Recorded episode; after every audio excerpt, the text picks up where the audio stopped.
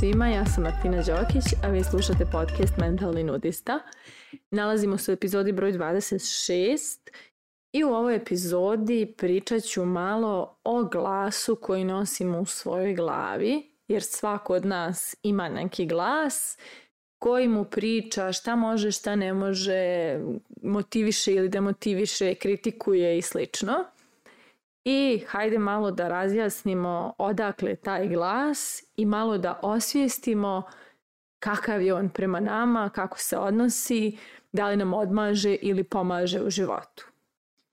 Ja sam zapravo e, davno osvijestila taj glas i davno počela onako da obraćam pažnju na neke njegove pristupe meni. Međutim, i dan danas otkrivam e, neke djeliće tih obraćanja u mojoj glavi koje se dešavaju, a koja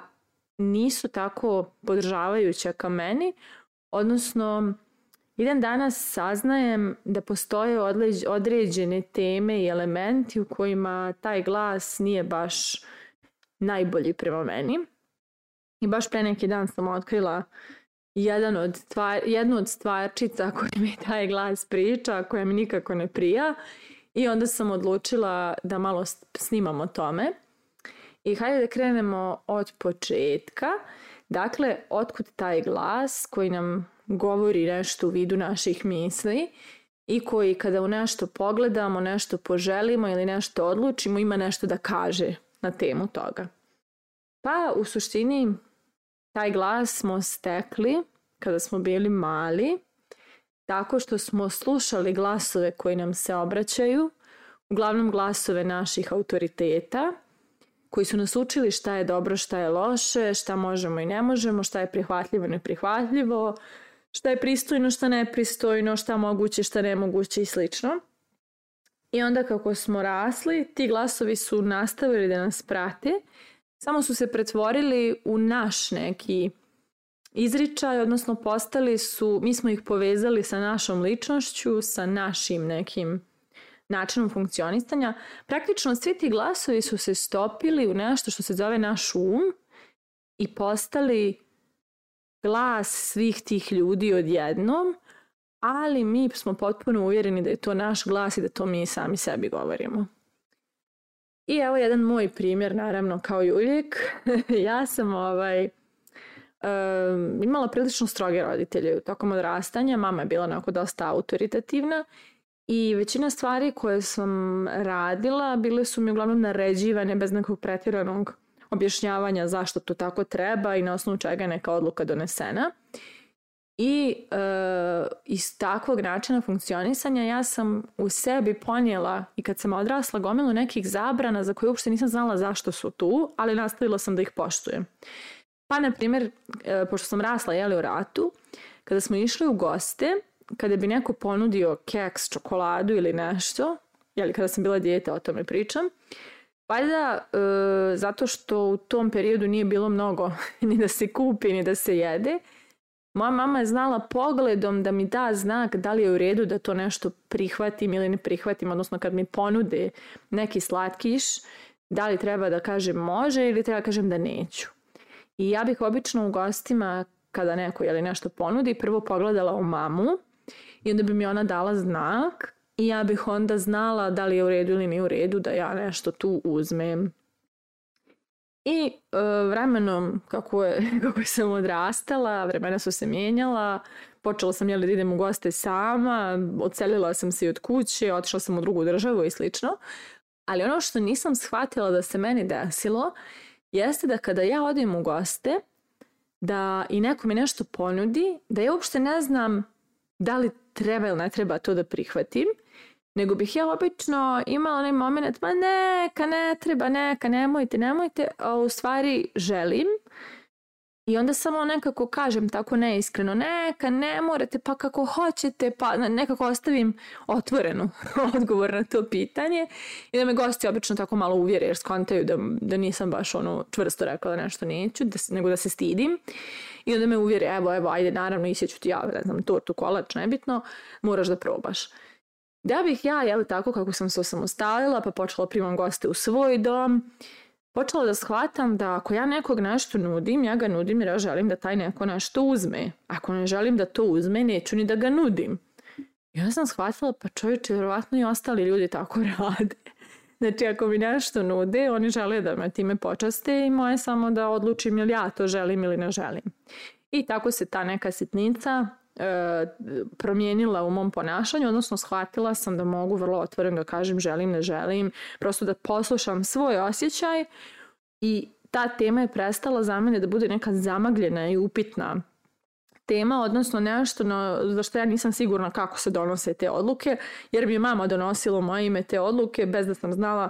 koji su njeni kriterijumi, kad može, kad ne može. E, to je sad neka jeli, sitnica koju sam ispričala. Uh, Međutim, pored toga, često su u mojoj glavi postojali neki glasovi koji su govorili neke mnogo komplikovanije stvari, poput toga da sam šlampava, na primjer to mi moja mama često govorila kada sam odrastala, ja nisam voljela puno ni da se šminkam, ni da nosim štikle, ono, kada sam postala djevojčurak, jeli? Nego meni uvijek bilo važno da mi je udobno, da mi je, ono, da mi je lijepo u tome što obučem, da ne moram da se patim, da se nešto namještam za razliku od moje mame koja je uvijek ono full sređena dama i slično. I ona meni pričala to da sam šlampava iz najbolje namjere, ništa, ništa ono pretjerano zlonamjerno. I ja bih tako odrasla i jeli u nekim pojedinim situacijama počela i da se sređujem, da se šminkam, da nosim štikle. Međutim, kada bih se sredila, meni je taj glas u glavi ponavljao da sam ja šlampava I ja bih tako hodala sređena, uvjerena da meni na čelu piše da to nije moje prirodno izdanje i da ja uopšte ne znam ni da hodam ni da se ponašam u tom izdanju, iako to s polja drugim ljudima uopšte nije izgledalo tako. I opet i taj glas sam preispitala, promijenila i naučila prosto da budem prirodna i u sređenom izdanju i ovom nekom udobnom opuštenom izdanju, a da nađem verziju u kojoj sam sređena i udobno mi je. Postoji isto jedna, e, jedan primjer e, koji mi je baš bio značajan kada sam ga rasvijetlila i baš sam ga bukvalno pre neki dan rasvijetlila. Um, recimo, uh, tokom odrastanja način na koji su meni roditelji motivisali uglavnom je bio nekom nekom razmjenom. Ako uradiš ovo, dobit ćeš ovo. Ako se desi ovo, bit će ovo itd. I iako je to bilo opet jeli dobro namjerno, taj način motivacije je na mene uticao kontradiktorno, odnosno u meni bi se javljao otpor kada bih dobila tu, kako sam ja to doživljavala, ucijenu. Znači kada bih bila ucijenjena da ću nešto da dobijem samo ako nešto uradim, ja bih u startu počela da osjećam ogroman otpor u sebi i da želim da e, prosto ne uradim to nešto. I verovali li ne, ja sam to sebi sama isto godinama radila Pogotovo nekim poljima gdje se ne osjećam baš najkomfornije, gdje ni, nemam neke, kao da kažem, zapažene rezultate, poput, ne znam, sporta ili tako nešto, ja bih isto sebi govorila kao evo ako lupam, istrčiš 5 km, e, možeš to, da se počastiš tim i tim ili možeš da uradiš to i to I ja bih bukvalno kada krenem u taj proces odustajala čak i kad nisam fizički umorna jer je u mojoj glavi postojao ogroman otpor da taj proces završim. I uvijek bih tako, ajde ako uradiš lupam 30 trbušnjaka, 50 trbušnjaka, onda možeš ovo, ako e, ne znam,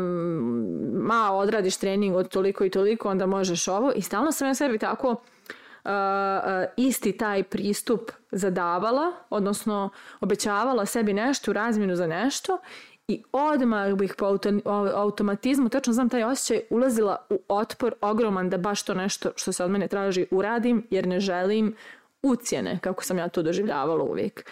I bukvalno nedavno shvatim pa čovječe, ja, mene ne motiviše ovaj način, a ja ga sama sebi namećem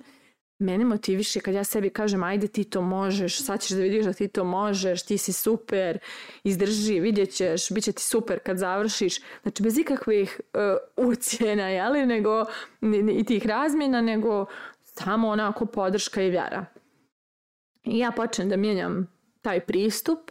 i stvarno je to baš u kontekstu sporta, počnem da istrajavam. Tako da u suštini opet mi se jeli otjelo da negdje u meni, iako sam mnogo radila na, na utezanju svog uma, i dalje postoji i vjerovatno ću još dugo da otkrivam šta se još postoji, ali eto zanimljivo je otkrivati da i dalje u meni postoje glasovi mojih roditelja koji čak nisu ni načini u nekim jeli, kontekstima načini koji meni prijaju, ali ja ih sama sebi diktiram i mislim da je to tako i da to tako jedino može.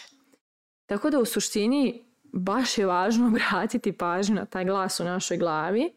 u raznim nekim kontekstima i primijetiti da li nas motiviš ili nas kinji, da li nas bodri ili nas sputava, da li nam da li nekako vjeruje u nas ili nas e, sječe u korijenu i kritikuje i govori nam da nešto ne možemo. I ono što je važno je li razumeti taj glas nije naš. Mi smo ga nekad čuli, a onda usvojili i pretvorili u naš. Tako da isto tako kako smo ga usvojili, tako možemo i da ga promijenimo, zamijenimo i ovaj svoj pravi istinski glas ubacimo u svoju glavu i počnemo njime da se vodimo. Tako da moje pitanje za kraj ove epizode jeste baš to